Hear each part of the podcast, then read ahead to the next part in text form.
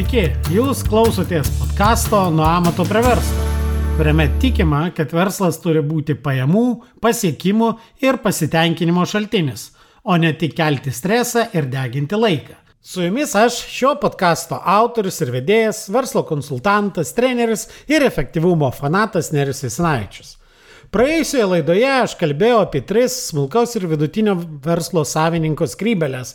Tai yra vaidmenis, kuriuos įmonėje atlieka savininkas. Tai verslininko arba entrepreneur vaidmuo, kai jisai turi galvoti apie ateitį įmonės, Tai yra vadovo arba manager vaidmuo, kuomet galvojama apie įmonės praeitį arba procesų stabilizavimą ir specialistą ar technician, kai yra fokusuojamasi tiesiog į konkrečios problemos, techninės problemos sprendimą. Šiandien aš pakalbėsiu apie verslo savininko dėmesio ir laiko valdymą. Kaip atrodo daugelio mūsų ir ne tik verslo savininkų ir vadovų, bet net darbuotojų diena. Ateini į darbą, nusiteikęs kažką nuveikti reikšmingo ir gero, sėdi ir, na, pirmiausiai pradedi tikrintis ką? Elektroninį paštą.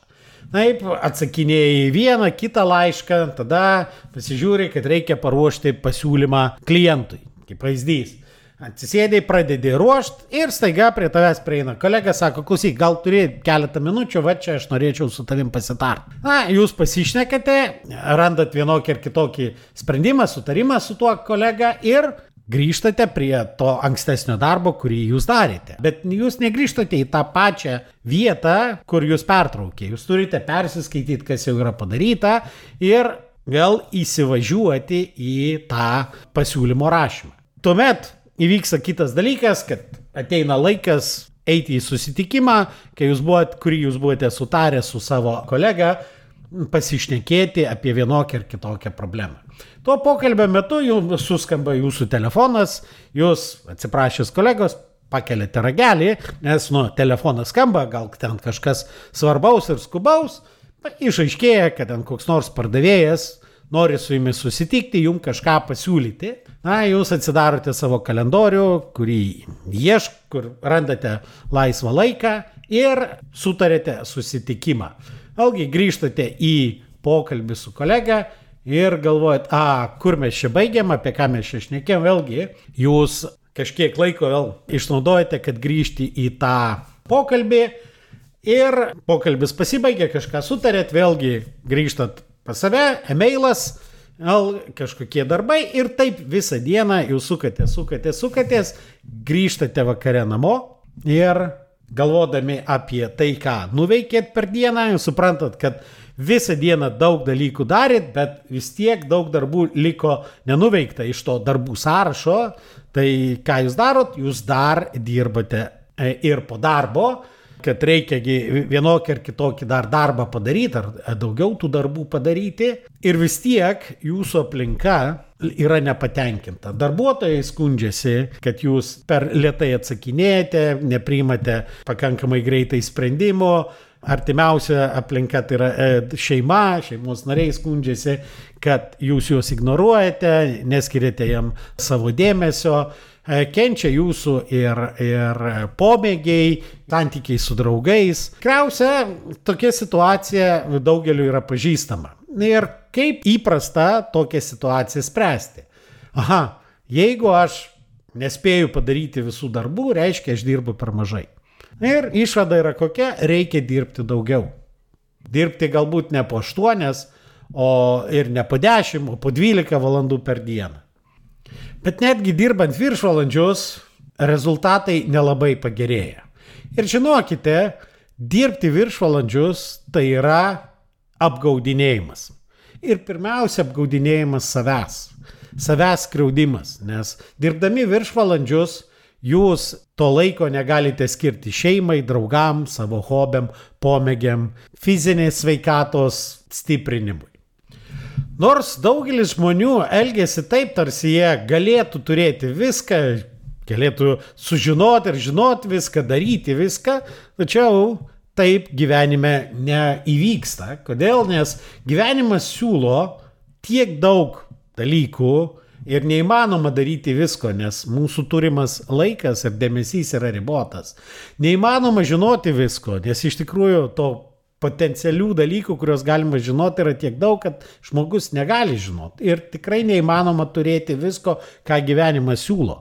Net patys turtingiausi žmonės pasaulyje, koks nors Warrenas Buffettas ar Jeff Bezosas, negalėtų sauliaisti, ne, tiesiog negalėtų turėti visko, ką siūlo pasaulis. Taigi, koks yra pagrindinis ribojantis išteklis, kuris įtakoja mūsų rezultatus? Ką mes turėtumėm išmokti valdyti geriau? Ir daugelis, aišku, šioje vietoje pasakys, a, tai yra laikas. Tačiau laikas nėra tas išteklis, kurį mes galime išmokti valdyti geriau. Mes negalime valdyti laiko. Taip, marketingiškai skamba labai gerai, o laiko valdymas ir panašiai. Tačiau pabandykite sulėtinti laiką, pagreitinti laiką, atsukti į priekį ar pasukti atgal. Mes negalime valdyti laiko, bet ką mes galime valdyti? Mes galime valdyti savo dėmesį. Ką mes skiriame savo dėmesį? Ir pasižiūrėkit, netgi kai mūsų aplinkoje, artima aplinka šeimos nariai skundžiasi, kad mes skiriame jiem ko, retai kada jie sako, tu skiri mum per mažai pinigų. Pirmiausia, jie ko sako, mes nesulaukiame tavo dėmesio. Taip kad dėmesys ir yra pats svarbiausias bet kurio žmogaus išteklis, kurį jisai gali valdyti ir kuris nulėmė jo rezultatus. Nes ten, kur yra žmogaus dėmesys, ten visada bus progresas. Ir tai aktualu ir tai svarbu ne tik tai versle, tai veikia ir tai aktualu bet kokių e, tikslų pasiekimui.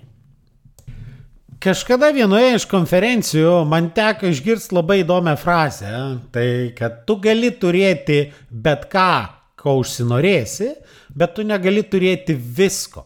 Tu uh, angliškai tai skamba netgi geriau, you can have anything you want, but you can't have everything you want. Siekdami geriau išnaudoti savo dėmesį, pirmiausia, mes turėtumėm nustoti išvaisti. Ir labai retai, kada tas dėmesys švaistomas tiesiog iš neturėjimo ką veikti. Dažniausiai dėmesio švaistimo priežastys yra tam tikra neteisinga mūsų elgsena ar neteisingi įsitikinimai.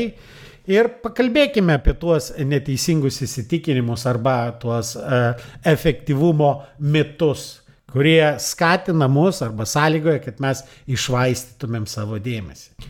Vienas iš dažniausiai sutinkamų efektyvumo klaidingų e, įsitikinimų yra tai, kad viskas yra vienodai svarbu. Kaip ir kalbėjom apie tą situaciją, kai mes kalbame su kolega ir kažkas mums paskambina, mes nutraukiame pokalbį ir pakeliame ragelį. Tačiau mes turime suprasti, kad ne viskas yra vienodai svarbu. Tikriausiai daugelis iš jūsų esate girdėję taip vadinamą pareto dėsnį arba 80-20.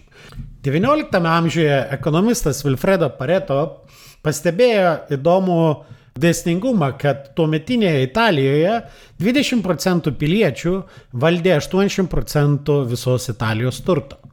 Vėliau buvo pastebėtas toks pats santykis arba priežastingumas ir kitose sferose. Kaip pavyzdys, daugelį įmonių 80 procentų pajamų e, atneša 20 procentų klientų arba 80 procentų apyvartos daro 20 procentų viso asortimento produktų. Jeigu 20 procentų mūsų pastangų ir dėmesio sukuria 80 procentų rezultato, o likę 80 procentų pastangų generuoja likusis 20 procentų rezultatų, tai galbūt pirmiausiai reiktų identifikuoti tuos veiksmus, tas užduotis, kurios generuoja 80 procentų rezultato ir sutelkti savo dėmesį į tuos užduotis. Ir užtikrinti, kad nesvarbu, kas atsitiktų, tos užduotis bus atliktos. Tikriausiai daugelis iš jūsų turite susidarę savo darbų sąrašą, taip vadinamą to-do listą. Tačiau klausimas, ar jūs esate tame darbų sąraše identifikavę tuos svarbiausius darbus, kurie duos daugiausiai rezultato. Ir ar jūs savo darbus pradedate nuo tų svarbiausių darbų ir uždavinių atlikimo. Darbų sąrašą paversti sėkmės sąrašu nėra taip sudėtinga. Tiesiog pasimkite savo turimą to-do listą, darbų sąrašą ir iš jo atrinkite 20 procentų pačių svarbiausių darbų, kurie duos didžiausius rezultatus. Ir iš to 20 procentų svarbiausių darbų atrinkite dar 20 procentų. Tai yra pačius pačius svarbiausius darbus arba vieną patį svarbiausią darbą, kurį yra būtina atlikti ir kuris duos didžiausią rezultatą. Ir sufokusuokite savo dėmesį į tą darbą, į to darbo atlikimą. Kitas labai dažnas būdas išblaškyti savo dėmesį tai yra daryti keletą darbų vienu metu arba taip vadinamas multitaskingas. Vėlgi prisiminkite tą situaciją, kai jūs kalbatės su kažkuo ir jūs pertraukia ir po to jums tenka grįžti į ankstesnę užduotį ir tai užtrunka kažkiek laiko, kol jūs vėl prisimenate, apie ką buvo kalba ankstesniam pokalbį. Įvairiausi tyrimai rodo, kad vien dėl multitaskingo, gyvenant klasikinėje įprastoje multitaskinėje aplinkoje, mes prarandame beveik trečdalį savo laiko tik tai ant persijungimo tarp užduočių. Jūs įsivaizduojate, ką tai reiškia trečdalis laiko. Jeigu mes kalbame apie darbi, darbo savaitę, tai trečdalis laiko reiškia pusantros dienos yra išvaistoma tik tai persijungimam tarp užduočių. Taigi, jeigu jūs identifikavote savo svarbiausią užduotį, kurią jūs turite atlikti šiandien ar šią savaitę, galbūt tos užduoties atlikimo metu reiktų užtikrinti, kad niekas jūsų neblaškys ir niekas jums netrukdys tos užduoties atlikti. Apie multitaskingo žalą tiek e, asmeniniam efektyvumui, tiek ir e, projektinė aplinka. Aš esu kalbėjęs per įvairias konferencijas, mokymus, parašęs ir publikavęs ne vieną straipsnį. Yra tiek daug įrodymų, kad tai yra žalinga, tai kad aš net nenoriu šiandien plėstis daugiau apie tai. Žinokit, multitaskingas yra blogis, kuris vagia jūsų dėmesį ir eikvoja jūsų išteklius. Jeigu norite daugiau sužinoti apie efektyvumo mitus ir apie tai, kaip išvaistomas dėmesys, ir ką daryti, kad jo neišvaistyti, labai rekomenduočiau perskaityti Gary Keller ir Jay Papasan knygą Tik vienas dalykas. Daugiau informacijos apie tą knygą galite rasti internete adresu www.vienetukas dalykas. Taip, vienas dalykas.lt. Knyga tik vienas dalykas lietuvių kalba yra išleista ne tik tai popierinio formatu, bet ir audio knygos formatu. Nuorodą į audio knygą jūs galite rasti šio podkasto aprašyme arba tiesiog pasižiūrėti audioteką LT. Bet grįžkime prie mūsų pagrindinės temos, tai yra dėmesio valdymo. Kadangi dėmesys tai yra svarbiausias resursas įtakojantis mūsų rezultatų pasiekimą, mes turėtumėm tą dėmesį valdyti labai atsakingai ir samoningai. Štai kodėl mums reikia turėti labai aiškiai užrašytus savo tikslus, ne tik verslo, bet ir asmeninius tikslus. Kodėl? Nes tikslas pirmiausiai tai yra kaip atskaitos taškas įsivertinti, ar mes skiriame dėmesį tam, kam reikia. Ir bet kuriuo atveju jūs galite pasitikrinti, ar mano dėmesys šiuo metu skiriamas tiem dalykam, kurie padės man pasiekti mano tikslus. Kai aiškiai nusistatėte savo metinius tikslus ar galbūt net ilgalaikius tikslus, įsivertinkite, kokius veiksmus jūs turite daryti, kokius darbus jūs turite daryti tam, kad tuos tikslus pasiekti. Ir suplanuokite laiką savo kalendoriuje, kada jūs darysite tuos darbus, kada jūs skirsite savo dėmesį tų tikslų siekimui. Ir vėlgi tai veikia ne tik tai verslo tikslam pasiekti, bet ir asmeniniam tikslam pasiekti. Tačiau podkastas apie verslą, taigi pasižiūrėkime, kur turėtų būti skiriamas pagrindinis smulkaus ir vidutinio verslo savininko dėmesys.